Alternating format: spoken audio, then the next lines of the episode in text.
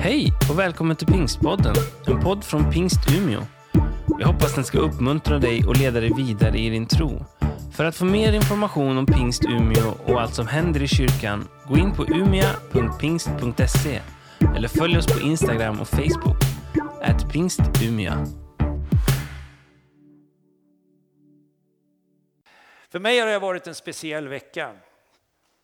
Jag, jag har ju läst Bibeln i, i, i många år. Egentligen under hela mitt liv så har jag hört Bibelns berättelser och, och, och levt med Bibeln som en del av luften som jag andas och brödet som jag äter och filmjölken på morgnarna ungefär. Varenda dag liksom, inte en dag utan Guds ord. Och jag i min ungdom hörde ju berättelsen om hur evangeliet tog sig till Europa. Alltihop börjar ju egentligen med att Paulus blir ju frälst och så, och så ger han sig ut på, på resor. Och, och, på sin andra resa så har han ju fått för sig att han ska fylla hela mindre Asien, alltså nuvarande Turkiet med sin undervisning. Han tycker det räcker inte bara med kustländerna liksom, utan nu ska jag in i inlandet. Men då händer det som eh, vi händer för oss ibland. Eh, han, det uppstod hinder. Och Paulus tolkning av det här är att det är den helige ande som hindrar honom. Han förstår inte varför det inte går bra. Liksom. Och så en natt så ser han en makedonisk man. Man kan läsa om det i Apostlagärningarna, det 16 kapitlet. En reslig man liksom, som ropar på honom i en dröm om natten. Kom över hit och hjälp oss. Då fattar Paulus. Evangeliet ska inte bara vara för de östra delarna av, av världen. Det här ska också till väst. Och så det berättar han om sin upplevelse på morgonen dagen därpå. Då beger de sig till Troas alltså och tar sig vägen, eller vägen, vattenvägen över till Neapolis och kommer till slut till Filippi. Och där börjar han att predika.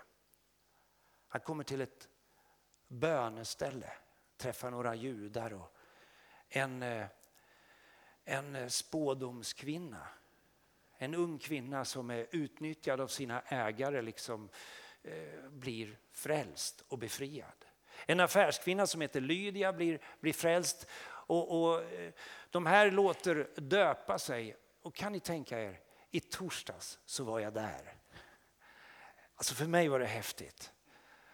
Jag var på en resa under veckan, hamnade, landade i Thessaloniki och så åkte vi bil upp till Filippi och så fick vi gå på de här platserna.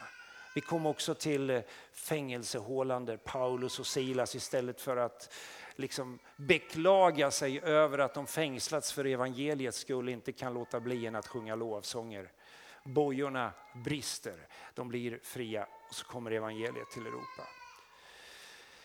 Det hade varit en, en fantastisk vecka om inte telefonen hade ringt när jag står där med mina fötter i, i dopvattnet och frågar några av mina pastorskollegor om jag inte kan få döpa mig en gång till. Ja, jag gjorde faktiskt det. var ingen som ställde upp. Så det blev bara fotatvagning. Men då ringer telefonen. Då visar det sig att en av våra tjejer har varit med om en svår trafikolycka. Men som genom ett under klättrar oskadd ur taxibilen på vägen ifrån Stockholms centrum till Arlanda. Ni vet, livet skiftar. Magda som hon heter, 21 år gammal, hon fick bara en kraftig hjärnskakning. Men en annan av mina vänner, han kunde inte komma hit idag för hans pappa var med om en liknande olycka. Där man idag eller imorgon kommer att slå av de livsuppehållande åtgärderna. Livet är så olika för oss. För ett par veckor sedan så fick min eh, fru och jag samtalet vi har väntat på i ett år och åtta månader. Ni vet att det är åtta månader sedan jag hade förmånen att tillträda som föreståndare här. Louise och jag, vi svarade ja på er kallelse för ett år och åtta månader sedan. Och vi gjorde det i tro att det väntade en uppgift här uppe för oss båda två. Min fru är sjukhuspastor på Blekinge sjukhuset. Och vi visste då att det kommer nog bli någon tjänst ledig där på lasarettet som kanske skulle kunna vara ämnad för Louise. Men vi, vi var inte säkra. Vi fattade ändå beslutet gemensamt och böjda knän. Vi, vi reser. Så blev tjänsten ledig. Louise sökte den och det var fler sökande men eh, efter eh, några veckor och en bit in i början av april så kom det ett mejl en fredag där frågan gick till Louise om hon kunde tänka sig bli ny sjukhuspastor på Umeå universitetssjukhus. Och ni kan ju tänka er vad det gjorde i våra hjärtan. Vi blev så glada. Hon har sedan tidigare sagt upp sin tjänst och eh, slutar i, i samband med midsommar. Och, och, då ska jag flyga ner och så ska vi sätta oss i en jätteliten röd Fiesta. Och så ska vi åka hela långa vägen upp till Umeå. Vi är så glada.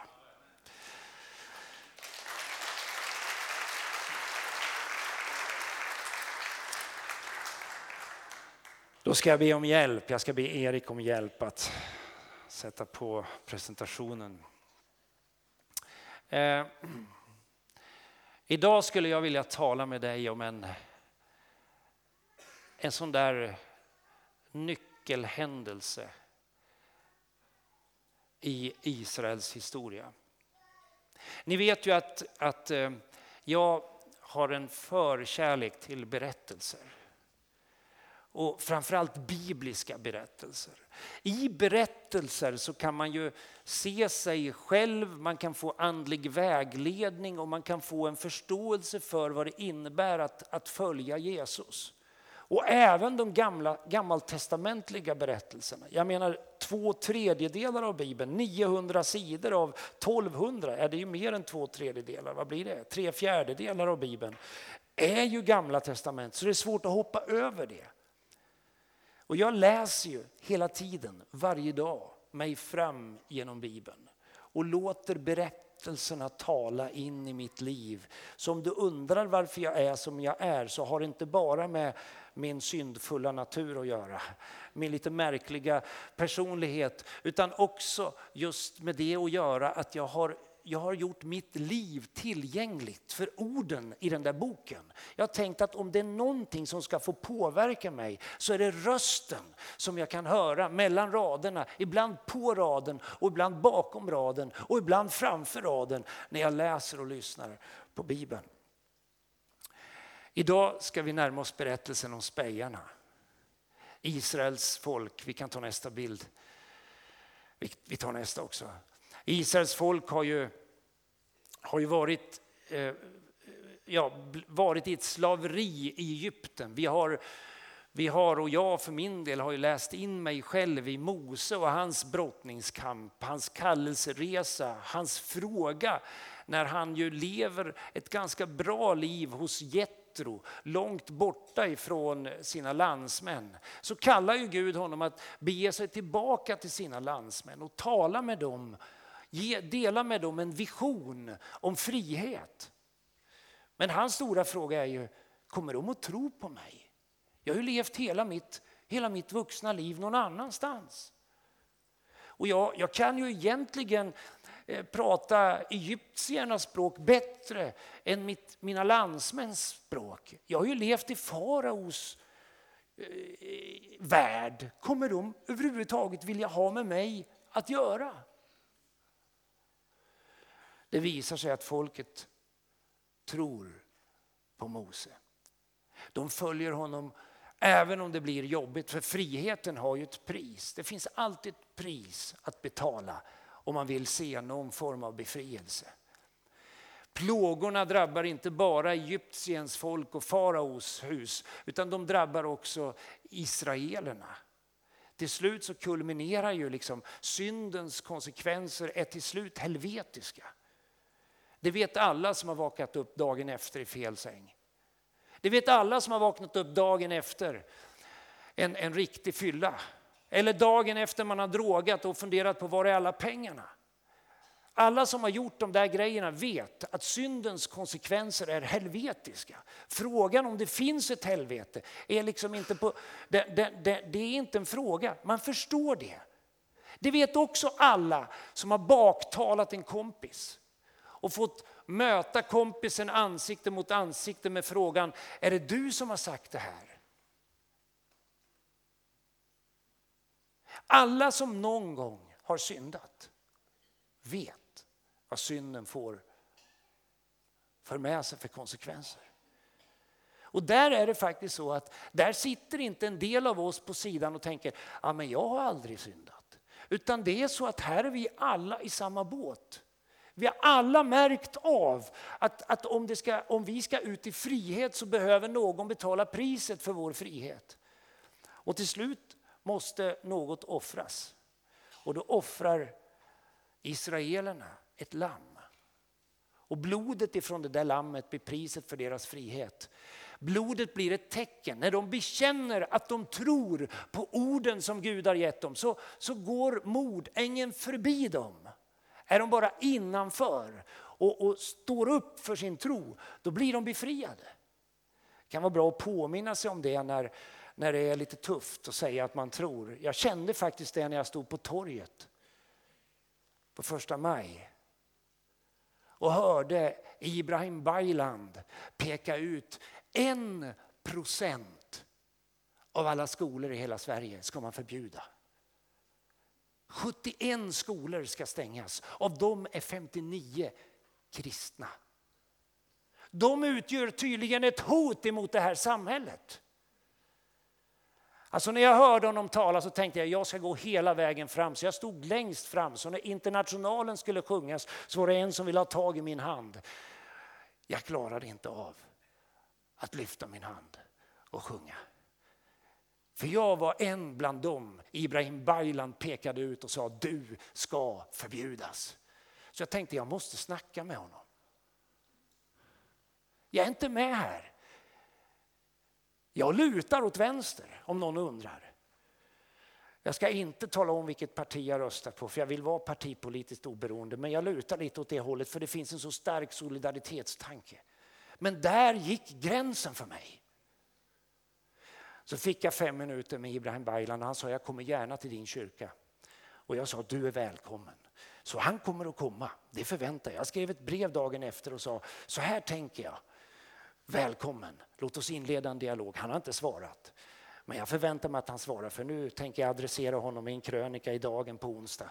Så nu kör vi hela vägen.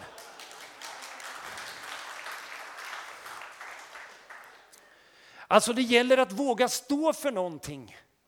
Och jag tänker att det går också att kalla politiska ledare till omvändelse. Jag tänker att det går att adressera farao. För vi har ett ärende.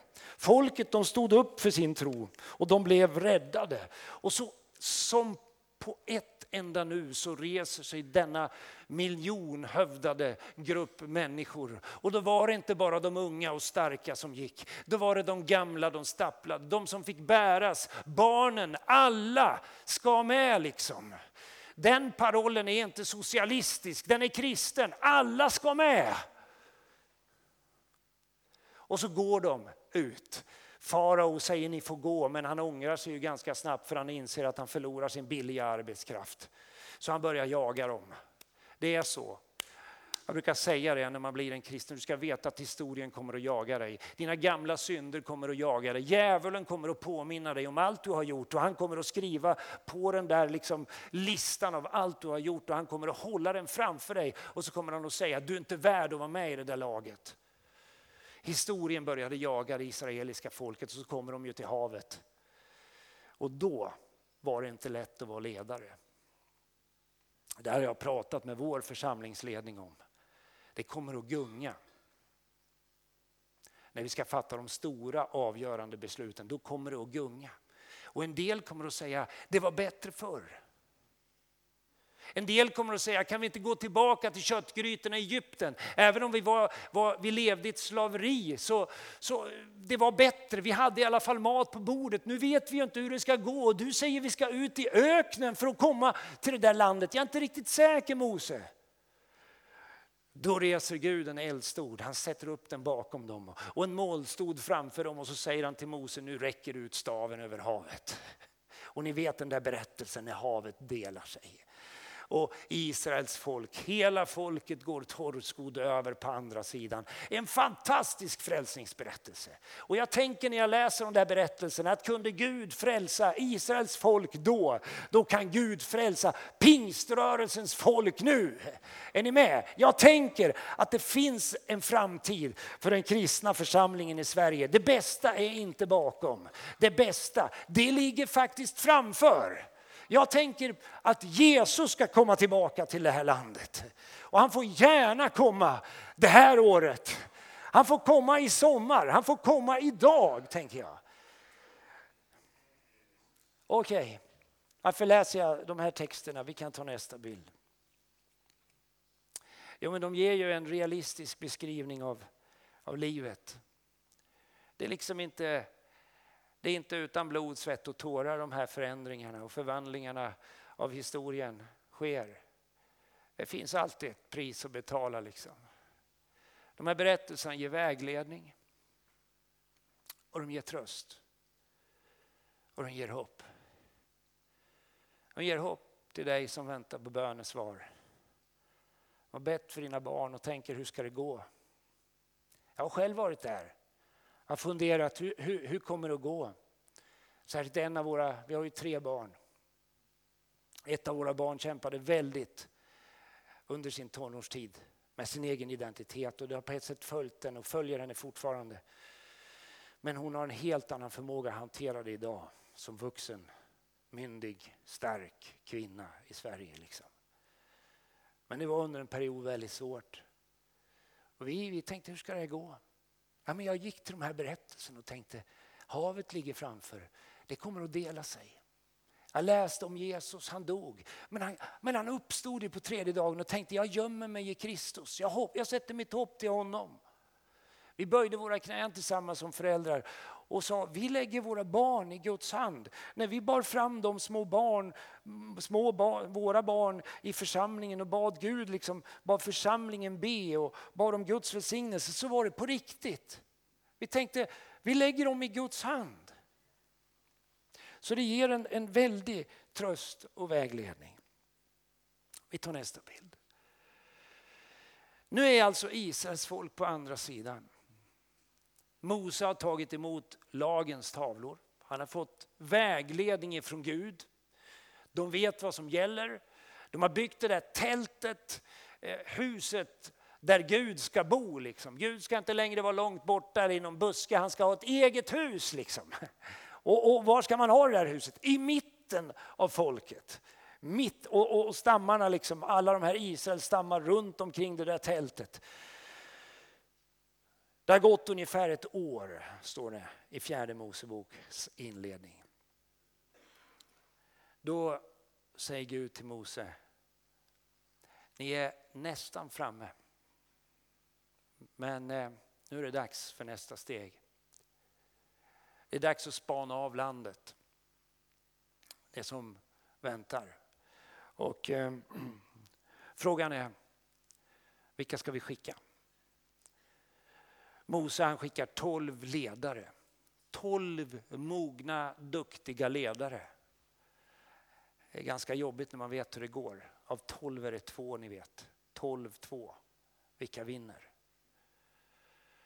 Ja, ligger man under med 12-2 då, eller 10, 10-2 blir det ju. Ja. Vad är det de ser när de går till landet? Vad är det de säger om landet? Och vem är det som folket väljer att lyssna på? Och jag tänkte att det här skulle jag vilja tala med dig om nu. Eh, och, och liksom ta det också som en hälsning till vår församling. Och så råkade jag titta på klockan och tänkte det var ju eländigt. Har, nu ska jag börja. Dålig timing. Vad är det de ser? De här spejarna. Ja, ni hörde ju texten. De ser ett underbart land. Det flyter av mjölk och honung. De, de ser att det Mose har talat om är sant. Och de förstår när de ser det här landet att det, det är ju hit vi ska. Liksom. Det här måste ju vara för oss. De, de, de, när de ska bära med sig en druvklase så går det åt två gubbar för att bära druvklasen. Jag menar, då snackar vi druvklasar. Alltså det är, något, det är något fantastiskt som de ser. Och de går upp till bergen. De går ner i, i Kidrondalen, de följer Jordan och går upp till Galileiska sjön och kommer upp på Karmel och så tittar de. Fantastiskt! Är det här vårt?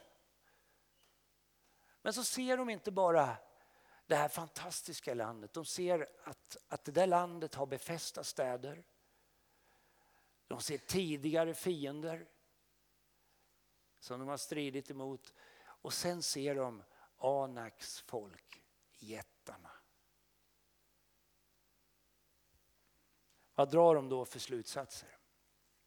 Man kan säga att de som spanar av landet de drar två olika slutsatser. Två olika slutsatser. De första de säger vi kan inte dra dit upp mot detta folk. De är för starka för oss. Vi såg också jättarna där, Anaks barn av jättestammen och vi tyckte då att vi själva var som gräshoppor och detsamma tyckte de om oss. Alltså vad, vad, vad, vad, hade, vad, vad var det de förmedlade? Ja men de började ju lägga ut texten om hur svårt det här landet skulle vara att inta. Jag menar, de beskrev inte bara verkligheten som verkligheten var, utan de började tala illa om landet. De talade så illa om landet att folket drog slutsatsen att det är bättre att vi drar tillbaka. Det finns ett litet pass i deras slutsats som är intressant. Det är deras självbild. Vi är som gräshoppor. Jag tänkte faktiskt så när jag stod där på torget i lördags. Men jag är bara en liten fluga på väggen. Vad har jag liksom att säga? Vem kommer att lyssna på mig? Och då kanske du tänker, och det tänker han som har den där plattformen. Ja. Det är så oerhört lätt att reducera sitt eget liv. Att, att tänka, ja, men jag är så liten. Jag har inte kunskapen. Jag har inte kraften. Jag har inte, jag, är inte, jag har inte begåvningen. Jag har inte redskapen. Eller som man som ung kan tänka, jag är inte tillräckligt snygg. Jag har inte de rätta kläderna. Jag passar liksom inte in. Ingen kommer att lyssna på mig. Och sen kan man projicera sin destruktiva självbild på de andra och tänka, och så där tänker de om mig. Vi är som gräshoppor. Och så tänkte de om oss. Men så fanns det några där i vilka det fanns en annan ande. Det land som vi har genomvandrat och bespejat är ett mycket gott land. Om Herren har behag till oss ska han föra oss in i landet och ge det åt oss. Ett land som flyter av mjölk och honung. I deras liv, i Kaleb och Josuas liv fanns en annan ande. De var inte större. De var förmodligen inte mer begåvade. Det står inte att de var starkare, att de var brightare, att de hade snyggare kläder, att de hade bättre förutsättningar. Nej, de hade en annan ande. Någonting inom dem sa att om Gud är med oss, då är det ingen som kan vara emot oss. Är Herren på vår sida, ja men då kan hela det politiska etablissemanget vara emot oss. Vi ger oss inte. Är ni med? Vi kan flytta de där bergen. Vi kan påverka det här landet. Det är ju, bara, det är ju faktiskt en del av vårt bidrag till det här landet. Demokrati och frihet. Det var det som väckelserörelserna faktiskt bidrog med tillsammans med arbetarrörelsen en gång när det här landet demokratiserades. Det var faktiskt så att vi hade demokrati i väckelserörelserna långt innan vi hade demokrati i Sverige.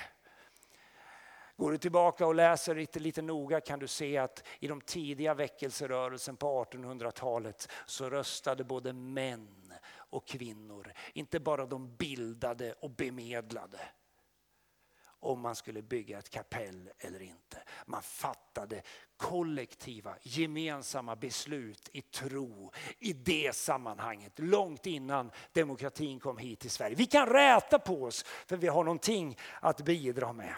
Så min fråga här nu blir, vilka röster lyssnar du på?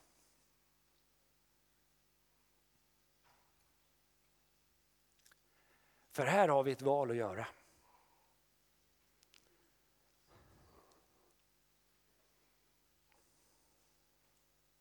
Mina kompisar i min ungdom, är lite roligt, jag har en av mina ungdomskompisar ser jag tredje bänken i kyrkan, som jag växte upp tillsammans med mina kompisar i fotbollslaget. Egentligen var det i, vad säger man, basket spelade jag. De, de ville ha med mig, inte, inte bara för att jag, jag var inte bäst.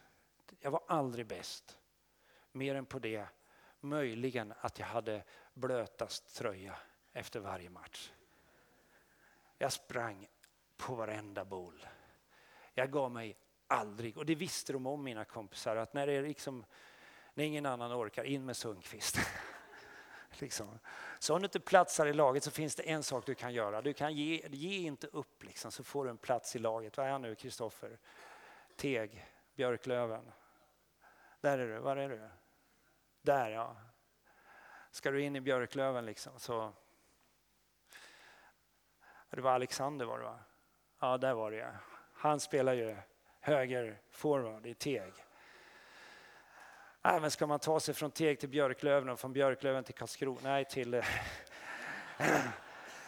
till Djurgården och från Djurgården till NHL så, så då, då, måste, då måste man ha blötast tröja. Det går liksom inte. Det, men vilka röster lyssnar du på? En del av de röster som jag lyssnade på sa Ulf, häng med oss.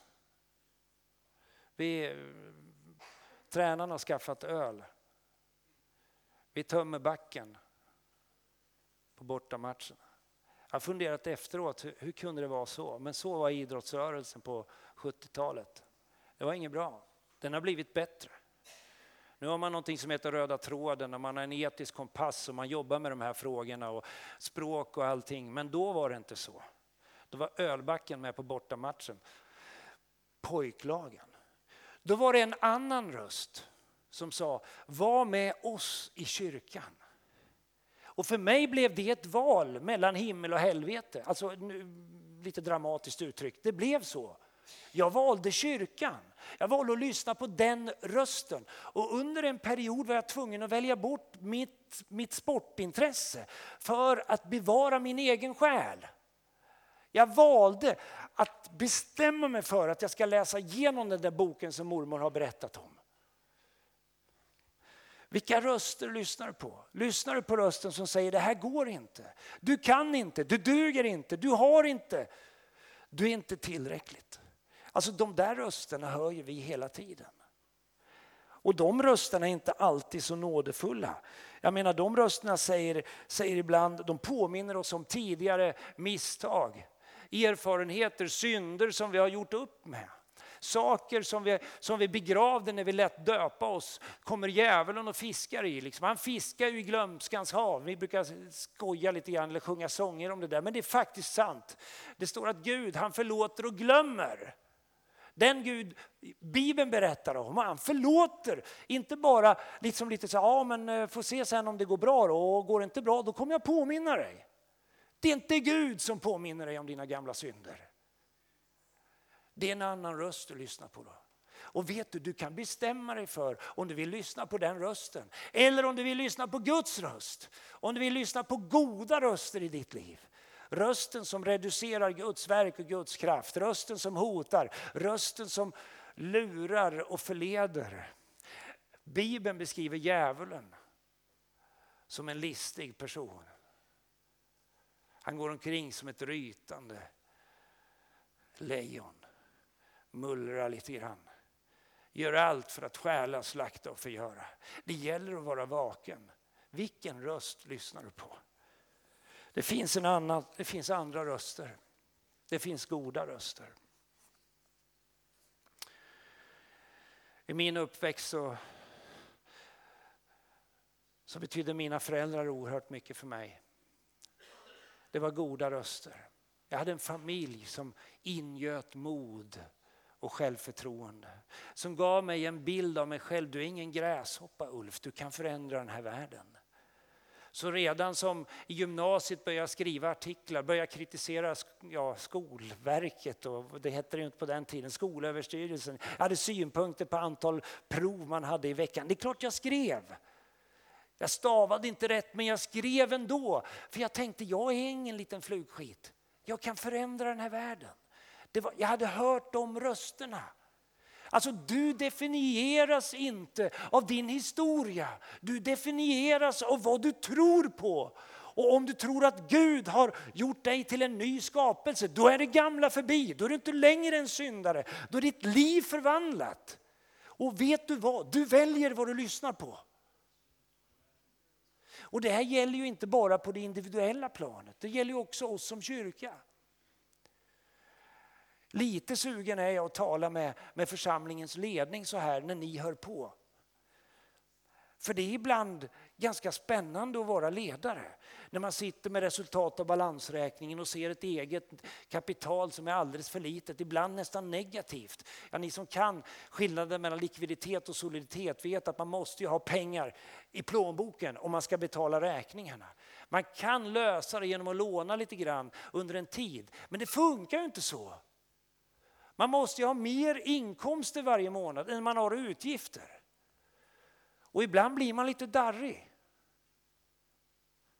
Vi har ju en ny ekonomiansvarig i vår församling. Han ska hålla sin första anförande här nu. Ola Lindström. Det ska bli spännande att höra vad han säger.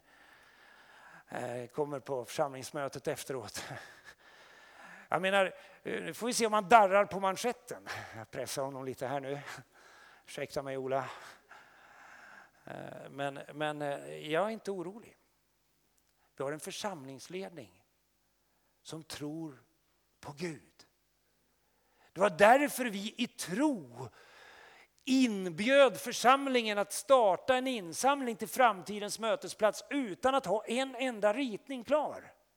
Det var därför vi i tro började insamlingen med oss själva och gav vårt bidrag. Och sen har ju det ökat.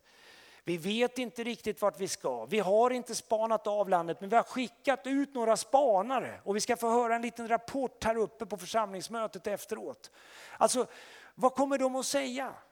Ja, jag Maria har redan hört vad de säger. Det finns många möjligheter men inte en tomt ledig. Vi vet inte hur vi ska ta oss dit men det, det, det ser bra ut. Ja, vem ska vi tro på? Alltså, vad lyssnar du på? Lyssnar du på den som säger att det här är möjligt? Lyssnar du på den röst som säger att du är värdefull? Att du är förlåten, att du är fri ifrån dina synder. Att du är rättfärdiggjord, att du är begåvad redan ifrån moderlivet men också med nådegåvor ifrån Herren själv. Lyssnar du på rösten som säger jag är Herren Emanuel, Gud med oss. Det här ställer oss inför ett viktigt val. Det är inte den 9 september det gäller. Det är nu.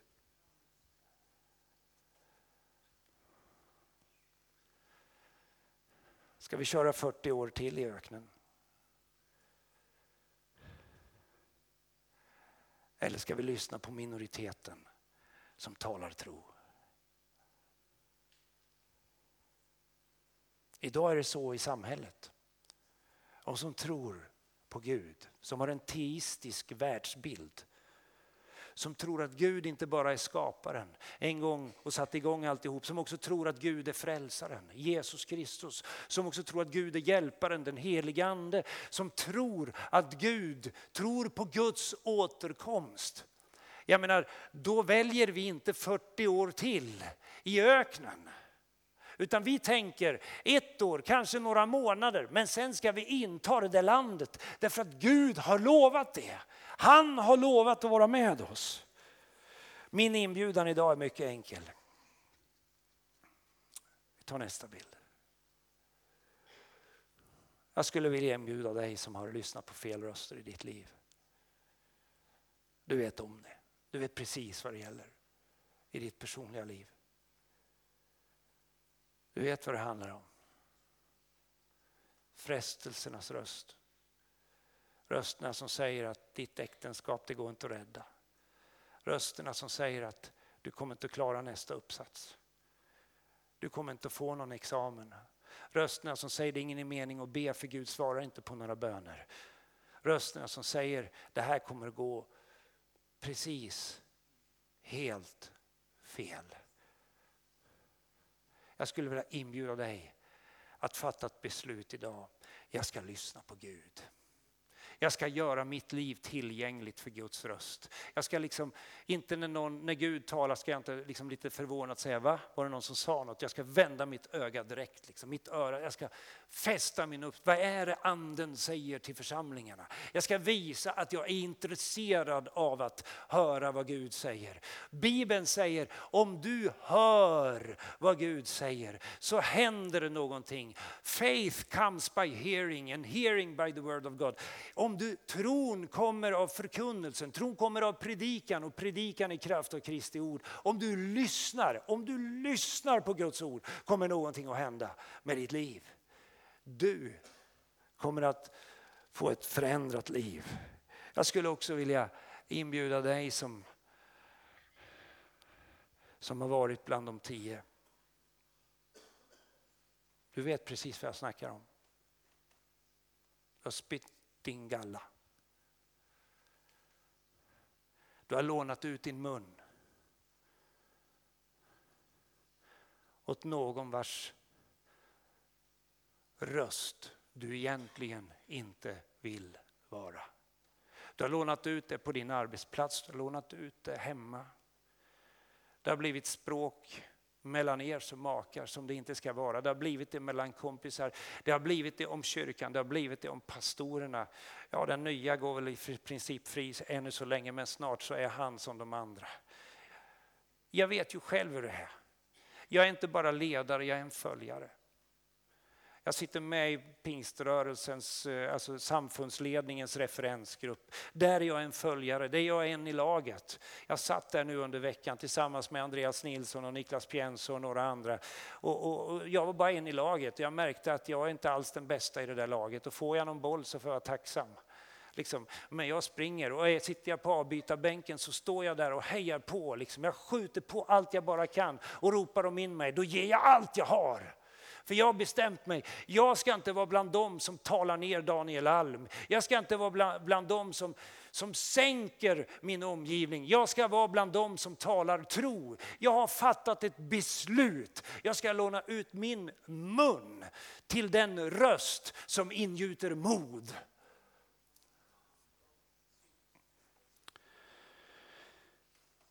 Det är min enkla inbjudan. Har du lyssnat på fel röst? Jag vill välkomna lovsångsteamet och att göra sig i ordning. Har du lyssnat på fel röst så kan du fatta ett beslut här idag.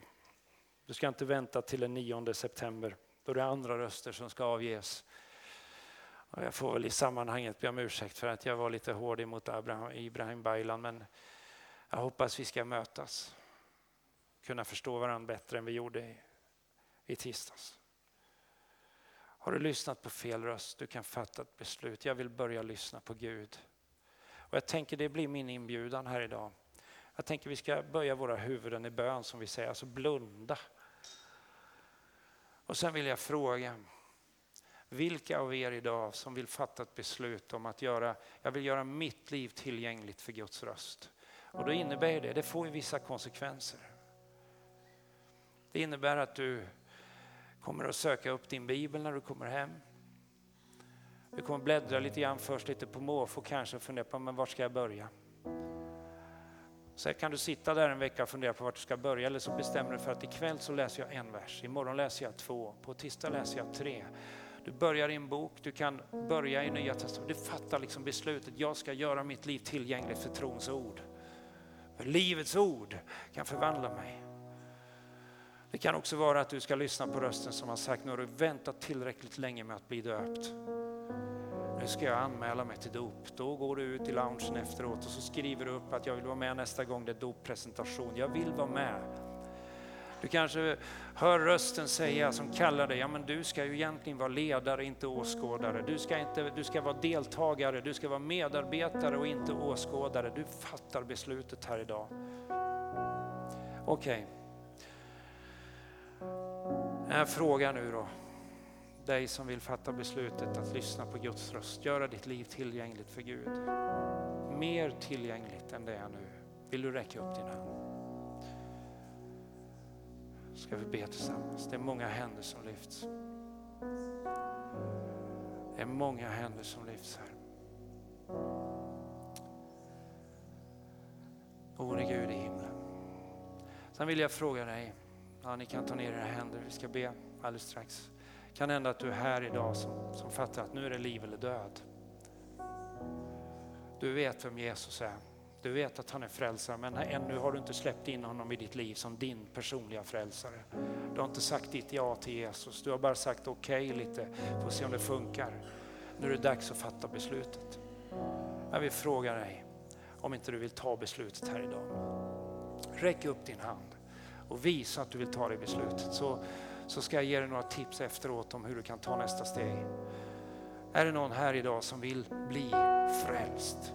Vill inbjuda Jesus Kristus som din frälsare, då kan du lyfta din hand nu. Jag välsignar dig. Är det någon mer?